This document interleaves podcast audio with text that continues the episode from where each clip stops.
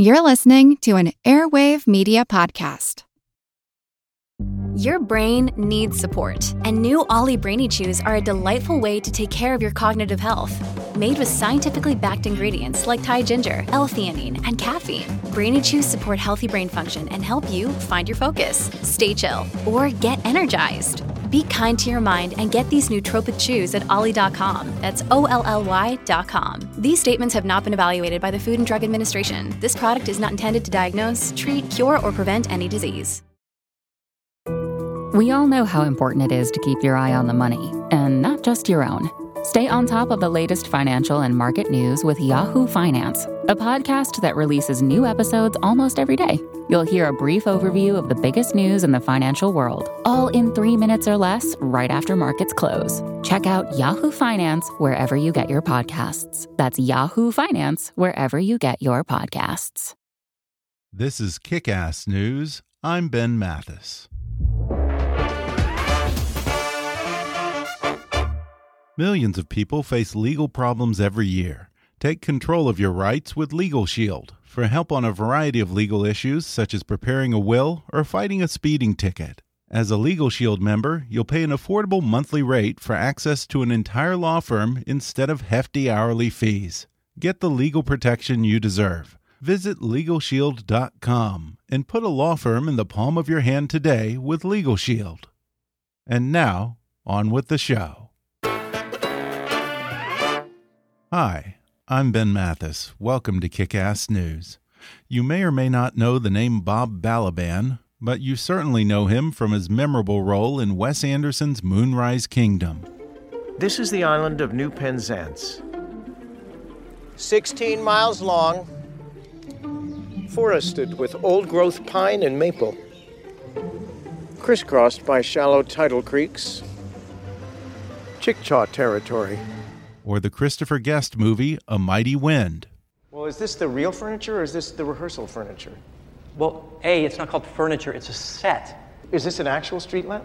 I'm sure it was at one time. Can you have an actual three dimensional object that represents the thing that it actually is, can that be next to something that it's pretending to be? Yes, it's Would perfectly okay? fine. You know, I really don't have time to explain Stagecraft 101. This show starts in an hour. Now, every, everything is exactly And the way are you. what's that, that, that? Those are lights hanging up there?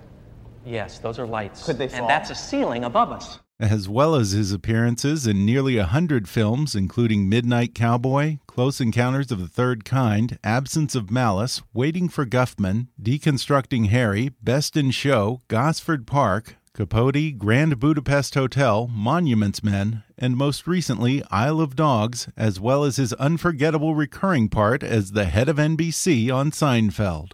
In fact, this Oscar and Emmy nominated actor, director, writer, and producer has been one of the most delightful parts of many of the best movies and television shows of the past 50 years. And perhaps more than any A list movie star, Bob's very presence in a film is a sure bet that it's going to be terrific. Just like his latest project, a miniseries based on the classic political thriller Three Days of the Condor. Condor airs Wednesdays at 10 p.m. Eastern and Pacific on AT&T Audience Network, and today Bob Balaban joins me on the podcast to discuss reuniting with his old friend William Hurt in Condor, getting to play his first role as a bad guy in ages and how his character rationalizes his diabolical behavior, and what this update of the classic film says about America's growing paranoia over conspiracy theories and the so-called deep state. He recalls his family's early roots in the golden age of Hollywood, his first break playing Linus in the original production of You're a Good Man, Charlie Brown, and how he ended up playing Francois Truffaut's translator, both on and off screen, in one of his first films, Close Encounters. He shares why he sometimes enjoys auditioning for a part more than actually getting it, and how he likes to study the famous directors he works with, from Steven Spielberg and Robert Altman to Wes Anderson and Christopher Guest plus Bob's career as Six Degrees of Warren Littlefield, why strangers still come up to him pitching him television ideas, and how to shoot a film about the richest woman in the world on a shoestring budget. Coming up with the delightful and talented Bob Balaban in just a moment.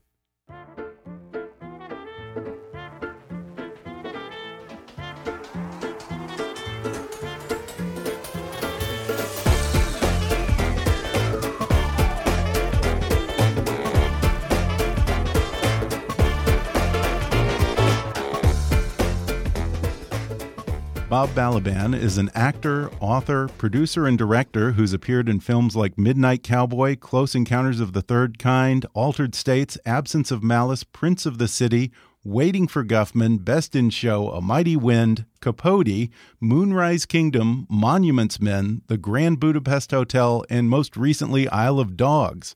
He also produced and acted in Gosford Park, earning him an Academy Award nomination for Best Picture. His many television credits include Recount, for which he received an Emmy nomination, Seinfeld, The Good Wife, Broad City, Girls, and Wormwood. And now he's in a new miniseries based on the classic thriller Three Days of the Condor. It's called Condor, and it premieres June 6th on Audience Network. Bob Balaban, welcome to the podcast. Hello. Hello. You know, it's funny because you have made this amazing career as a character actor. And, and when I compare that to, you know, a big star like a Tom Cruise or like a, a Tom Hanks, someone like that, where you have so much writing on a film, they pay them, you know, 20 million or more, and the movie may be a hundred something million dollar budget, a big movie. It's an insurance policy. For me, you're a better insurance policy. If you're in a movie, I can usually tell, you know, as with, as uh, we were talking a moment ago with Stanley Tucci or someone like that, I know it's going to be a pretty damn good movie. You're, you're saying I'm the canary in the tunnel. Yes, exactly, exactly. Well, you, you're yes. You also sort of indirectly pointed out the, the, the key distinction between being a character actor and a, and a movie star, other than money, which is Yeah. a big distinction. But uh, when you're a character actor, you can just act and act and act and act as long as people don't get tired of you or begin to hate you. Doesn't really matter. The, your three movies bombed. They're not your movies. It wasn't your fault.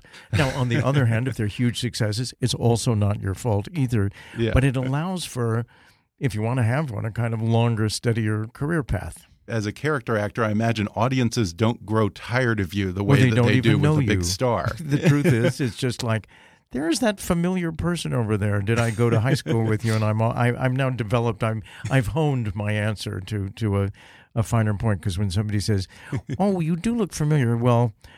I'm an actor. Well, give. Can you tell me like three movies you were in? And I go, okay, no, didn't see that, didn't see that. So I just now go, I'm an actor. I'm not famous. I look familiar to you, but if you want to know what I was in, you, you'll never remember me. It won't help. what about Seinfeld? Is that the one that you most get? people get the Seinfeld thing a lot. Yeah, I, Yeah. I get that. And and and when I did it, I, I actually only did four or five episodes, but it was Right. really fun. I had a great time. Yeah. Uh, I got I got a fair amount of people coming up to me and pitching projects to me because they thought I was the head of NBC, which is really Mm-hmm. interesting because most people don't don't think if you're on a series that you're the actual person. Uh, in real life, I, I just represented the head of NBC. That's right. And you played Warren Littlefield several times. Well, I- you played a fictional Warren Littlefield and a real Warren Littlefield, and Warren right? Littlefield is well, obviously, the is the real head of NBC, where where Yeah. Seinfeld was being made was was an NBC, and I think it was before that, but it Yeah. might have been after that. I can't remember. I did play the actual Warren Littlefield uh, in a show called The Late Wars, late The late shift, late, late- right? The Late Shift. Good for you. Yeah. Oh, think I the loved it. I subtitle remember was the Television Wars or Yeah. something like that. It was about uh, Jay Leno and, uh, and Yeah, David Letterman. late night wars. And uh, but on, on Seinfeld, I was originally hired. The log line of my character's arc was Elaine falls madly in love with Bob's character, uh, and at the end of which he gives her her first orgasm. And I was like, I want to play that part. I, I, think that's a you know I'll be remembered. You know they'll put it on my tombstone. Then it turned out it shifted ever so slightly to the fact that I was madly in love with Elaine, and she didn't care anything about me, and I die at sea on a Greenpeace mission. so it's like, boy, that didn't turn out the way I thought it would. Yeah, I think you've had a number of those instances on movies and television shows where you either somehow ended up on the cutting room floor or you're supposed to get the girl and then you got shafted in the Yeah, end. I get the dog sometimes. Yeah. yeah. I understand that you come from an entertainment family, although you didn't really grow up around it. Your family goes way back to the golden age of movies and movie palaces, well, too. they did. They did actually. Um, my grandparents, my dad's parents, uh, I would say moved from Russia to Chicago, but they didn't move. They escaped a pogrom. They were being, Yeah. everybody was their houses were being burned down, and they were all being killed by Russian Cossacks. Uh, so they ended up in Chicago on a little street called Maxwell Street, which is the ghetto of Chicago. And every new new population that came to Chicago ended up there. So it was an Irish ghetto, it was a black ghetto, it was a Mhm. Jewish ghetto from time to time. And they ended up on Maxwell Street owning a little failing grocery store. It was a delicatessen, basically. It wasn't anything as fancy as groceries. Uh, 12 of them lived in two rooms in the back of the store. And my grandmother, about 1908, uh, happened to visit a Nickelodeon. Went in and said, "Boys, there were seven brothers. My dad was the baby. He was one year old at the time, and my his older brother was 23. We're going to go into the movie business. It's not like selling vegetables. The product doesn't get old, and you have to throw it out when the movie's old. You send it back to the distributor, and they give you a new movie, and uh, so it's great that way. And also." the terrible thing in the grocery business was people would come in and squeeze the vegetables and look around and then they would pay for it once they decided they liked it but she said look at this they pay five cents to go in and see the movie and they don't even know what it's going to be and if they don't like the movie you don't get your money back it's over she said this is the business for us and within about 12 or 13 years Yeah. they had most of the downtown theaters in chicago Wow. and eventually they had a uh, a chain of theaters that they built and operated. Uh, about 125 theaters in the in the Chicago area, and they were picture palaces. They were designed by the arch- architectural firm of Rapp and Rapp, which speci- specialized in gargoyles and Egyptian figurines and themes, just yeah. amazing stuff. The goal then was you're going to a movie. This is the only form of entertainment basically that existed, and they wanted to provide a place where you could escape. It was a new world. It was an exotic world, and you sat there, and it made it easier to, I guess, bond with the movie that you were seeing because you were already removed from from your real life once you walked in the door. Yeah, and it's so interesting because it's very similar to other immigrant experiences. I've heard of moguls like Louis B. Mayer and Sam Goldwyn, all these guys who started out as glove makers or junk sellers or mm-hmm. whatever, haberdashers and so forth. And then they suddenly realize, I think someone famously said, it's the only product that you can resell over and over again. it's, the only, it's the only business where the buyer doesn't walk away with any product. Uh huh. Yeah. yeah. Now- well, they walk away with an experience. Yeah. When was your first experience on a movie set? Was that prior to acting or? hmm Yeah. Um, my my grandfather, who used to be my uncle, it's too complicated to explain. He was married to my father's sister, and then he married my mother's mother after that. And he was very involved with the building of all these theaters. It was called Balaban and Katz. The Balaban side being my dad and his family, and the Katz side being the man who was married to my father's sister. Well, eventually he married my mother's mother, moved to California, uh, was one of the heads of RKO in, in the early 30s, and then went Wow. to went, went to MGM and was very instrumental in starting the musical unit at MGM in the 30s and Yeah. stayed into the 50s. And when I was 10, I broke my arm, and my parents didn't know what to do with me. It was the summer. There was I was like kind of a I, I was I wasn't wild in the sense of bad, but I couldn't stop moving. It was like, show me this. I want to go there. I can't stand still. I, I kind of like that a little bit still myself. And they said, well, let's get on a train and we'll go to California and we'll go visit, you know, your grandparents, who I didn't see very much because they lived in California. And he was now an executive at MGM and I was 10. So I said, great. I get to MGM. There's a director's chair with my name on it. You know, little little Bobby Wow, Balaban got got to sit on a chair right next to my my grandfather slash uncle. And they were making a movie called Meet Me in Las Vegas, starring Dan Dailey and Cyd Charisse. Oh, and yeah. I sat in my little chair, and I just couldn't get over it. I was in this giant soundstage. It was Las Vegas. It was a casino in Las Vegas. There must have been 300 extras, and there were big glass panel windows showing the outside of Las Vegas inside the movie studio. There were actual cars driving around out there. I, I remember that. And it was all was just set. so magical. It was all very quiet. Then they yelled action, and suddenly everybody's screaming, "Hit me! Hit me! Five on the dollar!" You know, whatever they're saying. And I, that was it. I was just, Yeah. you know, I was just hooked forever after that. And, and speaking of musicals, wasn't it a musical that you got your first big break on? I think you were played Linus in Your Oh, Good Man Charlie yes. Brown, Uh, yep, the original one. yep. I was in college. I was at NYU. I had transferred from Colgate because I was sort of withering in the wilds of Colgate, which is a wonderful place, but not if you want to be doing what I wanted to do. So I transferred to NYU. My friend, who became my wife later on, uh, she used to read the trade papers, and I, it made me too anxious. It was like, no, I I don't even want to hear about it because I'll never get in. I won't. Nothing's going to happen. My life is over already. And she said, well, they're making a musical out of the Charlie Brown characters, and it says here Uh, only people five foot five and under need apply. She said, It's perfect. How many people are that short who can sing and act? So you have a chance of getting a part. So I wangled an audition and I walked in. And uh, I walked in and I sang and I did my little thing. And they said, Great, do you want to be Linus?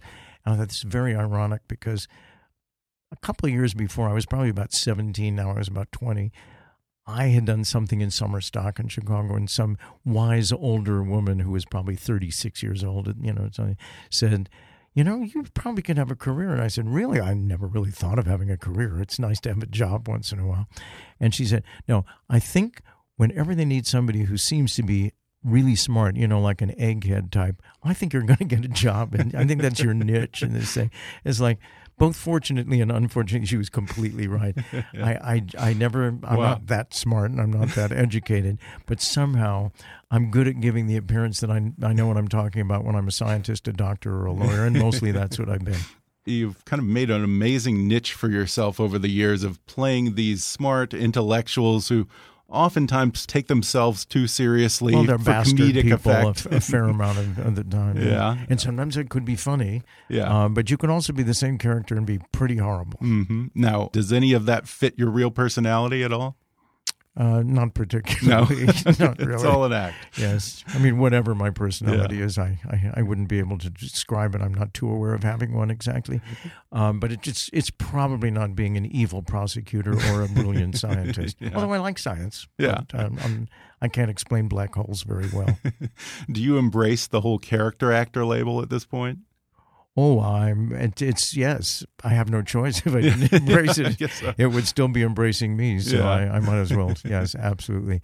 I think in the beginning of my my path there, I, I you know I was there was probably a millisecond where I thought, oh, I'll be a movie star, and I mean, if anybody wanted to me, I'd be happy to be one. But somehow I was always right for the friend mm-hmm. or the the whatever. And part of it's physical, and part of it's just who I am. I mean, I, I think we, if you stay around long enough, you're kind of, you know, like the level sort of levels off yeah. to, to the to the to the I was going to say the lowest common denominator, but that sounds kind of terrible. But um, but I think what's meant to happen sort of eventually yeah. happens if you have a chance to stick around, which I have stuck a long time. Now, do you still have to audition for roles anymore, or do, do directors pretty much know what they're getting with Bob Balaban? I haven't auditioned for a pretty long time, really? but I love to audition. I mean, one of the last times I auditioned for a part, what it really means is they're casting you outside of your of what they're used to seeing uh-huh. you as. You know, they don't they don't need to audition me to be right you know, one of the nine things that I tend yeah. to do all the time. I had I auditioned for a little movie that you probably never saw. Robin Williams was the star of it. Uh, Jacob oh, the Liar, yeah. it's called. Yeah. And because my character had kind of a big emotional range, and I also had to have some sort of Polish Yiddish accent and a bunch of other things, it wasn't exactly like a natural fit. And I, I was, I love, I, I'm I sometimes like auditioning more than acting, frankly. Really? Well, well have, it's I'm more sort of, challenging, do you think? It's sort of I'm sort of ADD-ish, so give me something that's like fresh. You know, look, I barely read this thing, and here I'm doing it. um, I like it. I like the mm. adventurousness of it all, and, and I like acting too. But yeah. I mean, that's harder. You have to learn your lines. You have to be able to yeah. repeat it over and over again, and it's a different kind of preparation. And the idea of just jumping in if you gave me Hamlet to read right now, I wouldn't be too bad. But if I was doing the play of it, I'd need months in coaching and everything in order to do it properly. And I understand that another movie that you didn't have to audition for was Close Encounters. Apparently, Spielberg just wanted to know if you spoke French, right? Yeah, I had, I had done you know a couple of like probably seven or eight movies at that point. I was I was about thirty. Um, and I do get a call. I get a call from my agent saying they want you to come in and meet with Steven Spielberg and the producer uh, Julia Phillips, and they just really want to know if you can speak French. They want to hear you talk a little French. And I said to my agent, "Oh yeah, I speak fluent French," you know, which was completely a lie.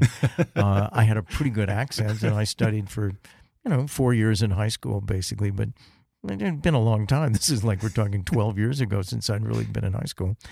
Um, so I go to the audition the thing, and we talk. I go, well, I'm not going to have to actually audition, But and then they said, "Well, say a couple of words in French," which I figured that was what would happen. So I said, "Il y avait beaucoup d'années depuis que j'ai parlé français. Si vous me donnez ce boulot, ce sera très difficile pour moi." It's been many years since I've spoken French, and if you give me this job, it will be very difficult for me. And they said, "Great." then you, you, you got the job. I mean, that's true because nobody in the room spoke French. And then at the, at the end, they said, "Well, just talk to us a little more in French. We just want to hear it." And I unleashed my poem that I had memorized in eighth Yeah. grade, and say "La cigale enchantée tout le- tout l'été se trouve à farder pour vous." I could recite the entire poem of the ant and the grasshopper in French, and they said, "Okay, that's settled. Go." And uh, of course, we're not even going to bother to translate your script into French because you speak it so well. and there will be places where Francois and you will just have conversations and you'll translate and you'll do all this stuff. I said, great. And then I signed up literally for Berlitz that afternoon. I'm Yeah. not kidding. I went and I had to learn how to say, dust the northern face of the mountain in French, soupoutre la face nord. I mean, avec UZ4. Um, and, um, and it was a great experience. Yeah, and you played Francois Truffaut's translator in the movie, but you were also his translator behind the was scenes. huh? Actually, I actually was his behind. He had a translator who was a delightful person who spoke Yeah. perfect French, but he was always afraid that she didn't quite catch his sense of humor, which was kind of sly and subversive. But it was easy to get it lost in translation. Mm-hmm. Basically, was the was the fear. So as we went on, my French got better and better and better. By the end, as Francois said, I spoke pretty good French. It was like classical. It was like he was speaking in the court of Louis the Fourteenth or something. Because I really kind of my my roots as just a French student came out. I hadn't really spoken to too many people, uh, but it worked out great, and it was tremendous fun being the only person on the set who could actually talk to the amazing, fantastic, greatest, one of the greatest directors Yeah, I've what an ever experience. encountered. And I got him, you know, it was just us chatting away for seven or eight months, and it was one of one of my favorite experiences. And I actually wrote a book about the I've read it. uh, we- Spielberg, goodness. Truffaut, and me, right? Yes, yes, I remember it. I think I said something like a small actor in a big movie or something like that. and it was an amazing experience. Yeah. Have you ever been tempted to write a behind the scenes book about any other movie you've been on? No, I'm very tempted never to write about any other thing again that I in a movie Yeah. because I, I didn't. A most movies aren't that fun to write about it. This Yeah. was like really a once in a lifetime experience. Steven, it was the, almost the beginning of his career. He just done Jaws. That the physical production of the movie was so interesting to me. The special effects, I was really, I was, I wasn't too annoying, I guess, but I really did ask a lot of questions. I was really interested. And when do you get to sit around with Francois Truffaut and Steven Spielberg for Yeah. eight months? I mean, that doesn't. Yeah. And I didn't want people to think I was a snitch. You know, like, Yeah, oh, that, he's the guy. We better not Oh, talk yeah. about this or that in front of Bob. And I was very careful not to. There was no big bad. There were a few big bad things I could Yeah, have talked about, things happen. but it was a very friendly, you know, above board kind Mm-hmm. of production. So pretty much I could talk about anything. And that was before they started putting out a making of the movie book for every big Hollywood blockbuster. What made you decide to write it? I had written a series of letters home to my wife, who I wasn't married to at the time, and uh, and I would write to her and tell her about the movie and stuff. And then I got married, and we had a, we were about to have a baby, and my wife said, "Well, you know, you never really graduated from college because you went and did You're a Good Man, Charlie Brown, and then you went to do Close Encounters. So I don't think it's right to have a, a child if, you know, your child can't kind of look up to you and say, my parents went to college. it's like, I don't know if it really would have mattered, but I went, okay, I'll go back to college. And I had to take two courses. One was a Eugene O'Neill course, and then I had to take a sociology course. So they said, well, you can do just a, a like a 100 page paper. And we'll create a category for you. And so, I, I, I, nice. it was a sociology course of my own invention, and I did a paper on social stratification on a film set because I just finished Close Encounter. That's great. So I write this paper and I get an A, and it's like, Yeah. oh, you will, we, you might get this published. And so I'm talking about my paper at a party somewhere, and I think it was either Liz Smith or somebody famous like that had a column, and she put in a paper the next day. And Bob Balaban has a, a fantastic behind the scenes tell all diary, of Close Encounters of the Third Kind, like the biggest movie to come out this year, although it hadn't come out yet. And I got like five offers and an agent, and they said, well, we'll buy the book if you can write it in the next two weeks. So I Wow. sat down and I wrote a book in two weeks, which is No not, you know, kidding. it wasn't really a book. It was just my experiences. and it was pretty easy to recreate almost everything that happened. You know, often you're on location in a movie and you sleep all the time and all you remember is the food.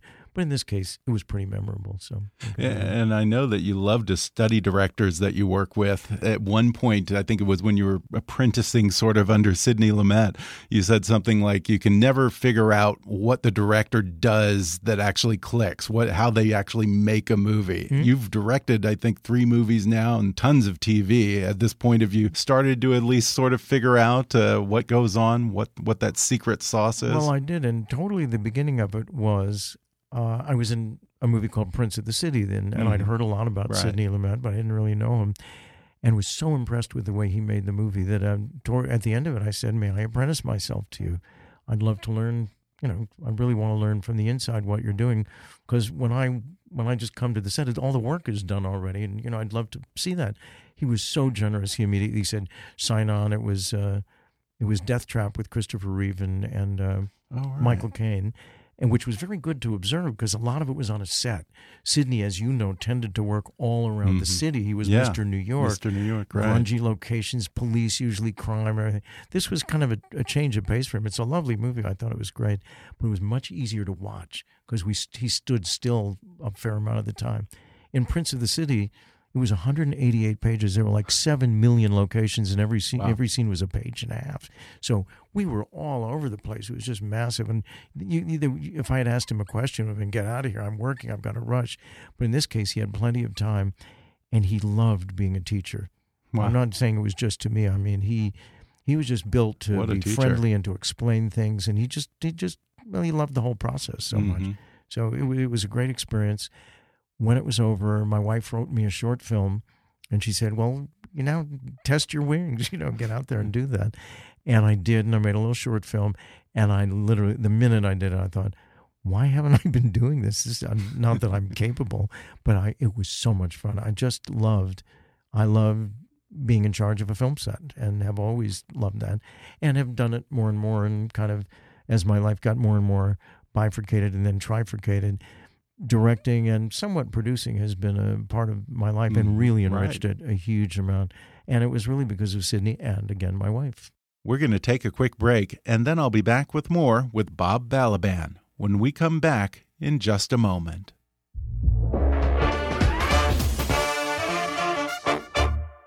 Let me tell you about a company I love. We use them for our 800 number. And if you're an entrepreneur, a small business owner, or even if you have a side gig, you really need to know about Grasshopper, the entrepreneur's phone system. Grasshopper lets you run your business from your cell phone while keeping your business and personal lives separate. Choose from their huge inventory of local, toll free, and vanity toll free numbers. Simply forward your new number to your mobile phone and start taking calls immediately. Whether you're in an office, in your car, or out running errands, Grasshopper's iPhone and Android apps help you stay connected to your customers. Not to mention, you can send and receive calls and texts from your business phone number, set up multiple extensions for everyone on your team, get your voicemails transcribed and emailed to you, work from anywhere with call forwarding to make and receive calls from your computer via the desktop app, and even utilize Wi Fi calling.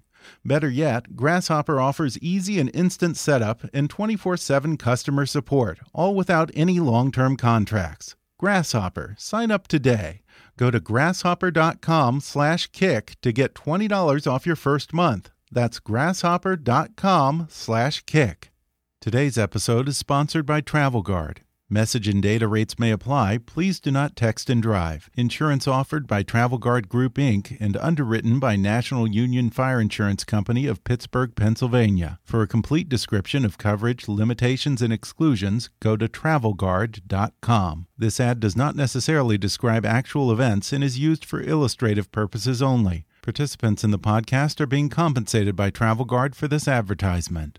For times when trips don't go as planned, there's Travel Guard Insurance. Travel Guard coverage includes flight and hotel rebooking, flight cancellation, interruption or delay, lost or delayed baggage, medical expenses and evacuation, and more. Plus, Travel Guard staff is available 24 7 to help with plans that work anywhere in the world. Now, I've traveled to some 50 or so countries over the years, and one thing that I've learned is you're never more vulnerable to mishaps than when you're traveling. I've had luggage lost, flights canceled at the last minute, hotels that ended up being overbooked. But look, I'm not going to just stop traveling and sit in my home for the rest of my life. And while mistakes happen and these things come with the territory, I wish I had had Travel Guard covering my back. Exploring the world is so much more enjoyable when you can travel with peace of mind. The kind of peace of mind you get with Travel Guard. Best of all, you can do it right from your phone. Get coverage now for just $30. Text KICK to 484848. Again, that's the word KICK to 484848. K I C K to 484848. And now, back to the show.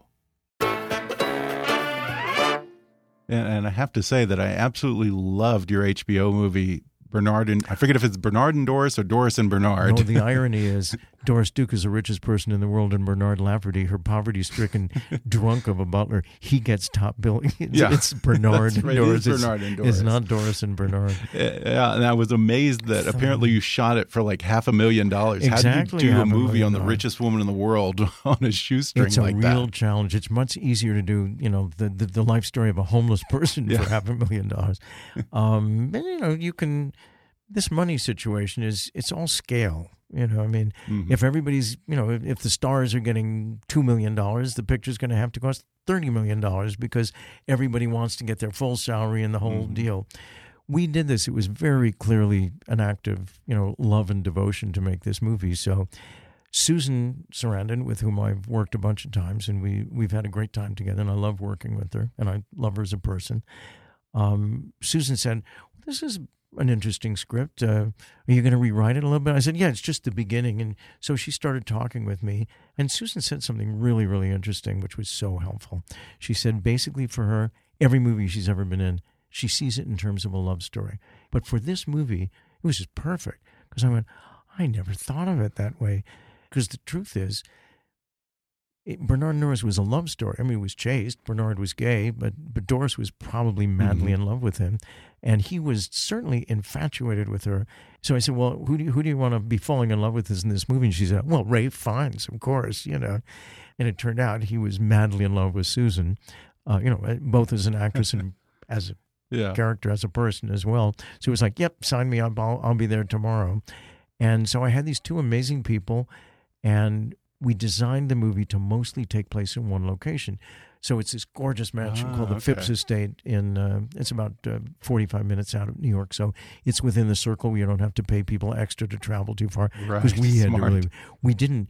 Rafe and Susan noticed on the first day of shooting that when you know when they served lunch for the crew of like 14 and a half people, there were like a couple of chicken sandwiches, and I don't even think we had potato chips or anything to drink. So they used to like come to work bearing extra food and Yeah. peanuts and, and sometimes turkey and things like that. And it was really, really unbelievably bottom of the barrel. The very fancy jewelry company. What's it called? That did, did all of her jewelry for um, all of her movies for the Academy Awards and everything. Oh, okay. They said, "Well, we want to give you, you know, Doris Duke's got to wear some great jewelry, and we would love to provide all the jewelry, you know, for the movie for your character." Which was a, you know, we could. What would she? We would have gone to Yeah. the dime store and gotten a lot of like Yeah. fake, horrible, Fake terrible things. jewelry. And uh, Yeah. and we had to say to them, unfortunately, we can't afford the guard. It's wonderful Oh, that you're giving this up for free to us for free, but we don't have enough money to hire, you know, a, a, a, security department to come and guard the jewelry. And they said, we'll throw that in. We'll do that too. wow. And then this a wonderful costume designer friend of all of ours who does always does Susan's wardrobe in movies said, "Well, I'll do this. We'll just, you know, you go to all your friends who are rich and fancy and who are vaguely Susan size and borrow all of their clothing if they saved it from 1978 or whenever the movie took place, and we cobbled together this movie that turned out to be for me one of the best Yeah. experiences I've ever had, and it turned out really nicely. We got a million. We didn't win anything, but we got 9,000 nominations in all departments and I got to have a great experience and work with people I loved, and uh, and that was great. Yeah, yeah, I absolutely loved it. Thank and you. I also Thank you. loved Gosford Park, which you produced and Thank you. got an Oscar nomination for. Uh, Robert Altman as a director. Yeah, Julian Fellowes, uh, the well, writer. Julian of- Fellowes had was a Downton completely Abbey. unknown writer Yeah. at that point. In fact, he I mean he, he knew he knew he was a writer, but he was really an actor doing mostly commercials, and he did a series I think at one point.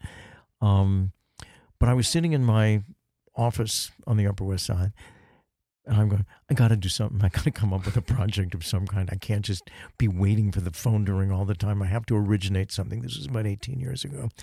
And I was reading some Agatha Christie stuff. And I went, wait a minute who do I know? Well, I know Robert Altman. I never worked with him, but I had made a little documentary about him for Showtime, actually. And we all we had a lot of friends in common. And I used to show up on his movie sets because he was very open about that.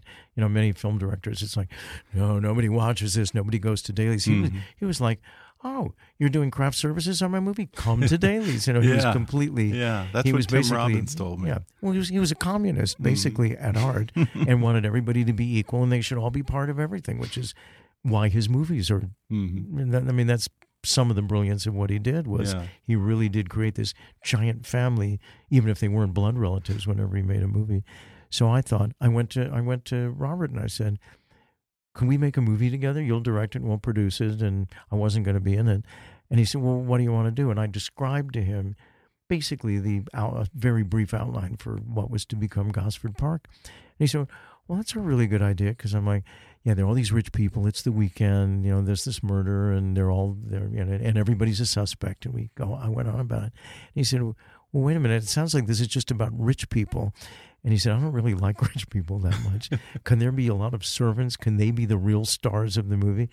And I said, Yeah, it'll be a murder mystery where the murder is committed by one of the servants. And, you know, we, we sort of elaborated. And then he said, Well, who are you going to get to write this thing for us? And I said, I know this kind of obscure actor who wants to be a writer. And she, he said, Well, you think he can do it? I said, Well, I'll tell you, he's really smart. He did a rewrite for me on an Anthony Trollope novel for free, which I, I probably shouldn't say that on the air, but, but you know, he needed a job and I needed a writer. This was about two or three years before Gosford Park, and he did a really wonderful job. And I said, but you know, Bob, you and I are paying for the screenplay, so we can't get anybody too famous to be doing this. So we flew Julian over like sub coach class, put him in a terrible hotel. I mean, and the interesting is he, he he was the star of the movie, really, in the in terms of his career was like shot out of a cannon, and he, oh, yeah. he and he did win the Academy Award. He was our one winning yeah. Academy Award, and started Downton Abbey not long after that. Yeah, and you know, which is kind of a a stepchild to to Gosford Park. It even has Maggie yeah. Smith playing playing the wicked, wonderful. Oh my God, what a what a person she is! Aside from being a oh, brilliant actor, um, yeah, and, and, it was it was really an interesting experience. Yeah, as the proto Downton Abbey, have you ever hit up Julian Fellowes and said, "Hey, I think you maybe owe me, you know, a couple oh, points, he, some royalties on, a couple on million dollars Abbey? every week." Yeah, okay, he should.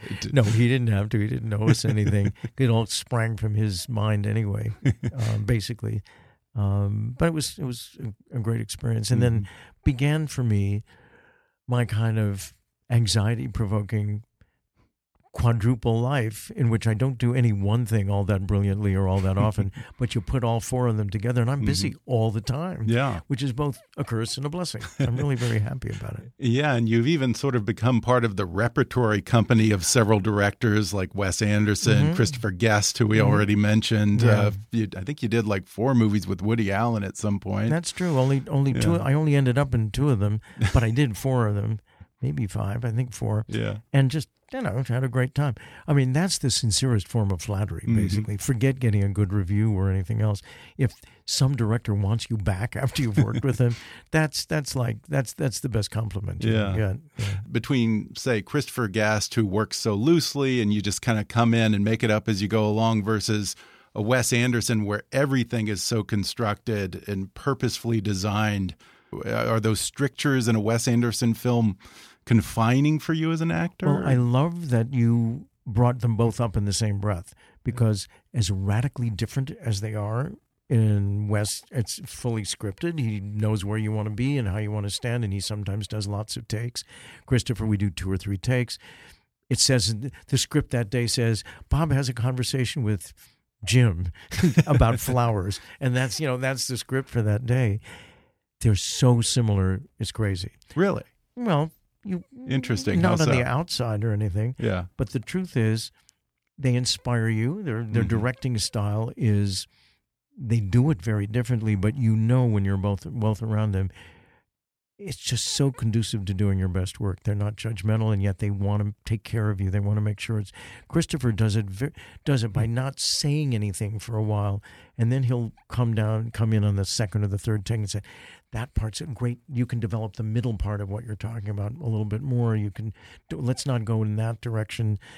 But he and he really does shoot so heavily that he eventually carves your performance out of the many takes that you've done. Yeah. And it's very much up to him. You know, you have to have provided the raw material. In Wes's case, it's completely different, except he inspires you in the same way. He's absolutely you can't pretend to love actors and, and the process. It's really clear with the people who do and who don't. And they really want you to be your best, most original self. And it's it's just there's no there's no energy wasted trying to get along with anybody or trying to figure out what you're doing. In Chris's case, you just have carte blanche, but you don't really because he guides you. In Wes's case, I did a scene in Moonrise Kingdom probably 60 or 70 times, one take. Um, my character is setting loose a weather balloon. I'm a, I'm a I'm a weird narrator of the movie, and I wear a funny red coat and a little hat, a little which, elf costume by the way, almost. He puts yeah. you in your elf costume months before the movie starts, and that tells you more about your character. He could he could send you thirty thousand wow. letters about yeah. what he wants you to do, the socks, the shoes, the gloves. It's just like just okay, put it on. It's like a magic carpet. It's so exciting, and he doesn't really say that much, but. The first day I got to work, my first week in, in Moonrise Kingdom, was just me and talking to the camera, basically, in about nine locations. And Wes said, I've I've taken some photographs of the locations you're going to be shooting on, and if you look at the frames, I represent you, and you'll see me in the different angles we're shooting, and and by simply showing me that stuff without explaining anything, and I think in some cases he was actually just saying the dialogue just so you'd get a sense of where it was and mm-hmm. how it mm-hmm. looked. I instantly knew what to do because being a narrator is really interesting because there are no parameters. You know, when you read a script, you go, oh, he comes from here, he's going yeah. there. This is his relationship with the other characters. I had no relationship with anybody. I was just telling yeah. a story. And you could tell it so many different ways. Yeah. But literally, I caught the humor of the thing by seeing where my head was in the frame. Right, because you're at the I'd bottom, be, you're kind of cut off. Sometimes you're narrating. Bottom, sometimes I'm yeah. standing on a rock like right. Christopher Columbus discovering yes. America. Yeah. You know, that says everything. It just really yeah. did everything. And we had one scene where I was letting, and now the, and then I was there also occasionally allowed to interact with the actors. Um, but since I was a narrator, it was very tricky because I had to be the narrator interacting with the actors. And in one case, I'm letting go a giant weather balloon, all um, a beautiful, like a giant white balloon with helium in it. It had a string, so we didn't just have to lose one every time I, I, I let it go. But it had this string, and I let it go. And then I have to walk across some stones in the ocean, and I have to get to the shore. Then I take out a wind machine. I have to judge the direction of the wind. And then I say some stuff to people off camera. All the time, there are 12 12 year olds rowing a, car, car, a, canoe right behind me. it, and it's twilight now. It's the most gorgeous time of night. And there are these kids who can't really paddle a canoe. And how could 12 people paddle a canoe? I mean, they, they sink or go to the left or something. So the canoe is being towed yeah. in on a rig and somebody's reeling them in. And all this is going on at the same time. And Wes doesn't know what the balance of light is going to be like. He wants it to be dark, oh. but he wants the campfire to be visible. And he also wants this beautiful glow of this white balloon. And if it's too light out, you won't catch that. But if it's mm-hmm. too dark, all you'll see is the balloon and you won't see the people.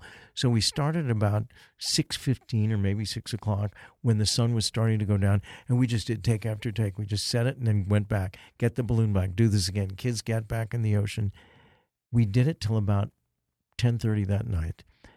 And it was inexplicably one of my favorite couple of hours I ever did doing a movie. Hmm. It was like a meditation. And once in a while, he would say, Can you walk a little faster on the stones or look directly into the camera here? But mostly, you just get into a zone sometimes and just do it over and over again. And he doesn't always do that. But I mean, I look back on that as one of my favorite times in the movie, and I can't tell you why. Hmm.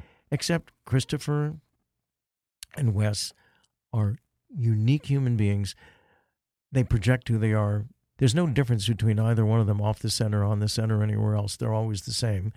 And they're remarkably similar in their approach to things, and yet it looks completely different. And I want to ask you about your latest project, this new mini series. It's called Condor. I understand that this project is yet another example of your career as Six Degrees of Warren Littlefield, huh? Warren called me. I love Warren. I read his book. He wrote a wonderful book about uh, the golden years of mm -hmm. his his reign at NBC, which was fantastic. I mean, I won't go into, into it, but it was really interesting.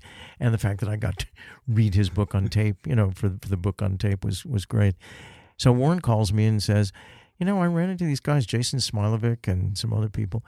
And he said, they're, they're just giving you a heads up. They're going to call and ask you to do this show. And I'm just telling you, it's really good. And I thought, oh, well, the truth is, you know, anybody offers me a job, I pay attention. You know, I, I, don't do everything people yeah. would say, but I, I you know, I, I pay good attention to it.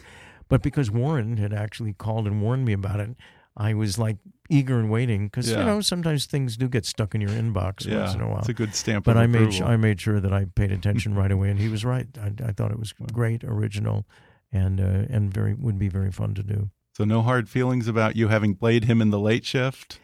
Well, when I played him in the late shift, um, I actually called him. Yeah. And I said two things. I said, A, is it okay with you if I play you? Uh, if you say no, I won't do it because, you know, we're friends and it's, you know, sort of dicey perhaps. And he said, no, it's fine with me. I know you'll do a good job. Just do me a favor.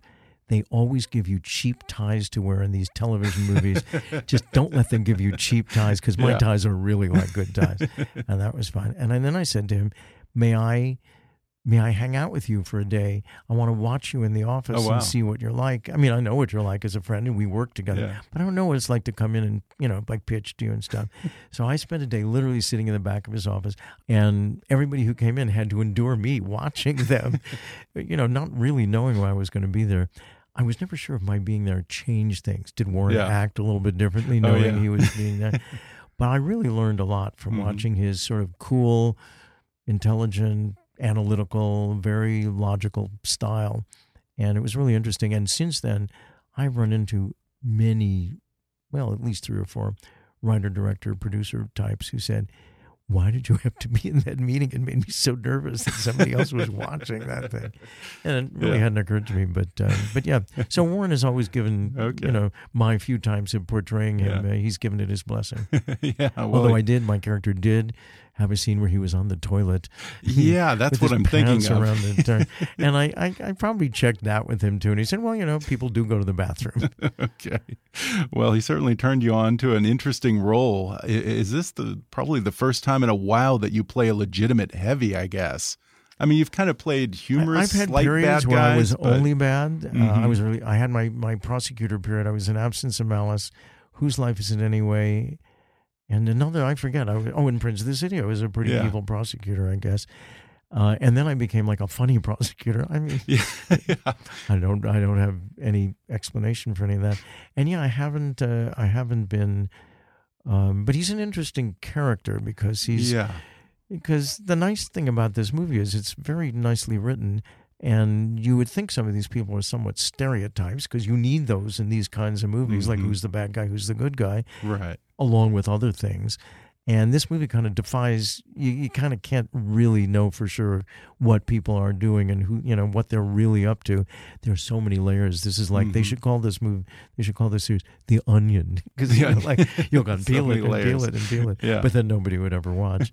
uh, and yeah, it's nice, nice to be back yeah. to, um, to somewhat villain territory. Although, as yeah. you probably know, if you're playing a villain, you don't think of yourself as a villain. You just you just think of yourself as right. this is what I need.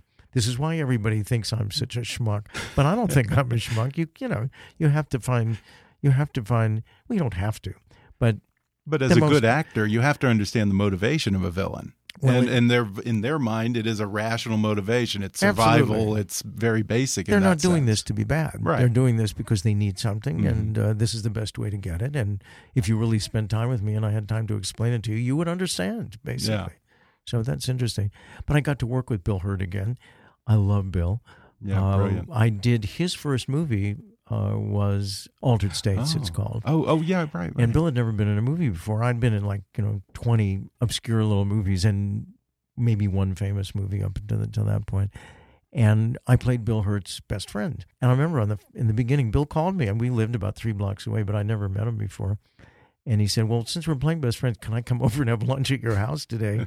and it really worked. You know, we Yeah. we started hanging out together during the movie. He would occasionally drive from Malibu to my little house on the very top of Kings Road. And it was like, Bill, you can't drive home tonight. It's like three in the morning. And he would stay at my house with my wife and my daughter. Um, and I really, we really had a great time together. Yeah. And then I didn't see him for Wow.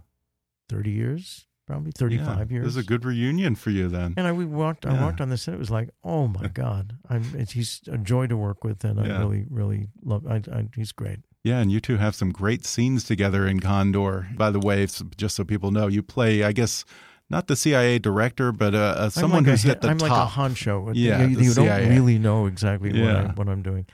Um, yeah, and Brendan Fraser is fantastic. Yes, he's he in this thing. It, it's really interesting because it's a character part for, Mhm. for Brendan, and he's really a leading man. So.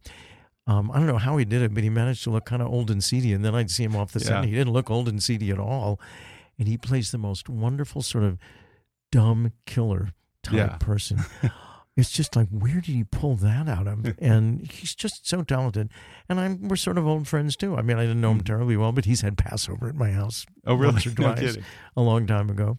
and so it was very comfortable, very, very nice bunch of people to be working with. Yeah, and the show seems extremely relevant today because we're always hearing Donald Trump ranting about the deep state and the This- CIA this is and the the Justice state. Department. Do you have any concerns that fictional depictions of conspiracies and these deep state things might be getting taken a little more seriously today by the Alex Jones alt right conspiracy theory crowd? Well, I think we're in a very dangerous period of history, but it's around the world. It's not just the United States. Mhm, This idea true. of fake news and there's no real corroboration of anything.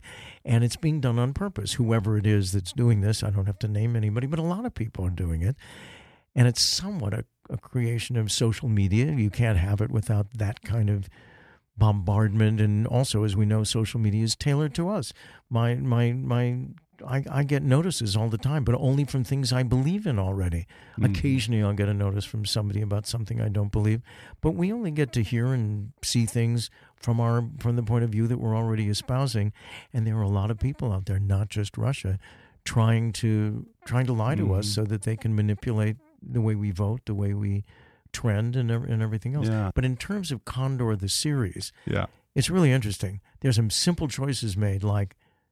Did you notice that there's no president, there's no government above us? We we don't hear about oh, anybody. Oh, interesting. Yeah. it yeah. prevents it from being one-sided. Yeah, You okay, the- the right, C- that's because true. the CIA isn't really political. It's got its agendas, and people want certain things to happen, but we're not at the service uh, of of any Yeah. any big government, and nobody you've ever heard of. Also, Right. it, it keeps it. You know, when this thing is rerun in five years, if if the you know if the world has changed, it's still relevant. It's just Mhm. anybody. It's just there is a president. Yeah, it's we don't talk about it. And I think that really helps. It also doesn't immediately prevent Right. one side or other from not watching this television show. Yeah. And they didn't do it for that reason. but uh, it's it's very it's timeless. I mean, it could Mhm. almost take place when Three Days of the Condor took place in the seventies, but it's quite clearly happening right now. Yeah. And it's all about who's telling the truth and why did this really happen. And the person that you thought was the bad guy, well, he's got a reason too, and they all kind of make Mhm. sense. And a, and it and it's uh, it is very very contemporary, but avoids being being. But it but you can't dismiss it, uh, because it doesn't it doesn't give you it doesn't give you a cast of characters Mhm. that that wouldn't necessarily be fitting what the real cast of characters are doing. Yeah. So it doesn't it does it, it it allows you to believe what's going on because it doesn't give you too much. Um, real quickly before we go, because I'm such a Rodgers and Hammerstein fan. Uh-huh. Hammerstein. I was just I was corrected the you. other day. Good for you. Hammerstein. Yeah. I just had Todd Purdum Leonard, on. Leonard Bernstein. Yeah, we both agreed that South Pacific is the best of, our, our, or at least our personal favorite of Mm-hmm. the Rodgers and Hammerstein canon. And somewhere along the way, I heard you were working on a movie version Well, or we, remake. uh, I developed it with my wife, Lynn Okay. Grossman, writing a new screenplay version of it, harking back much more to the Tales from the South Pacific, the Michener oh, the original, book. right? Yeah. So it, it would, if it ever got made, have all most of all the music, some of it repurposed. Okay. Um, Interesting.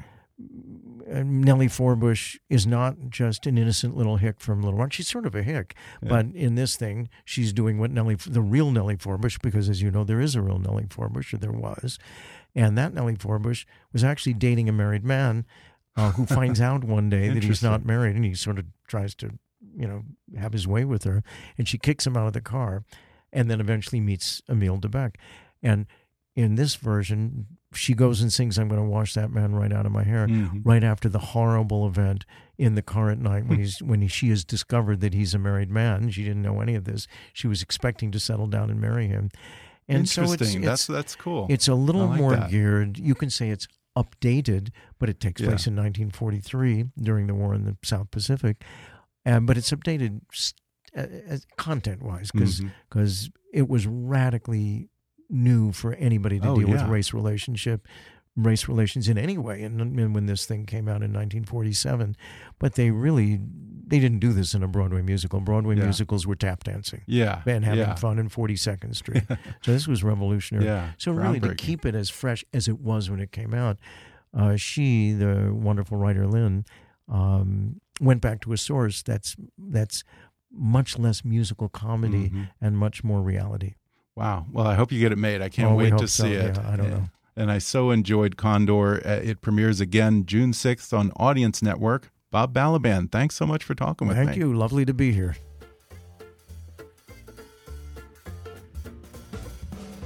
Thanks again to Bob Balaban for coming on the podcast.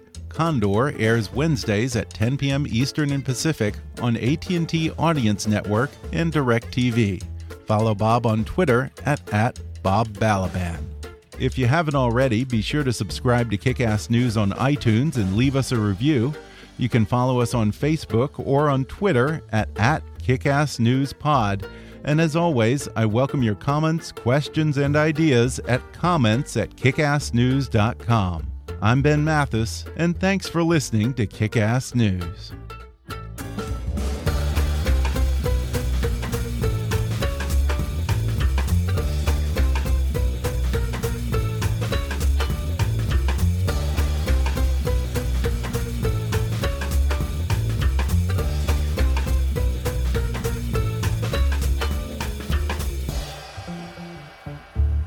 Kickass News is a trademark of Mathis Entertainment, Inc.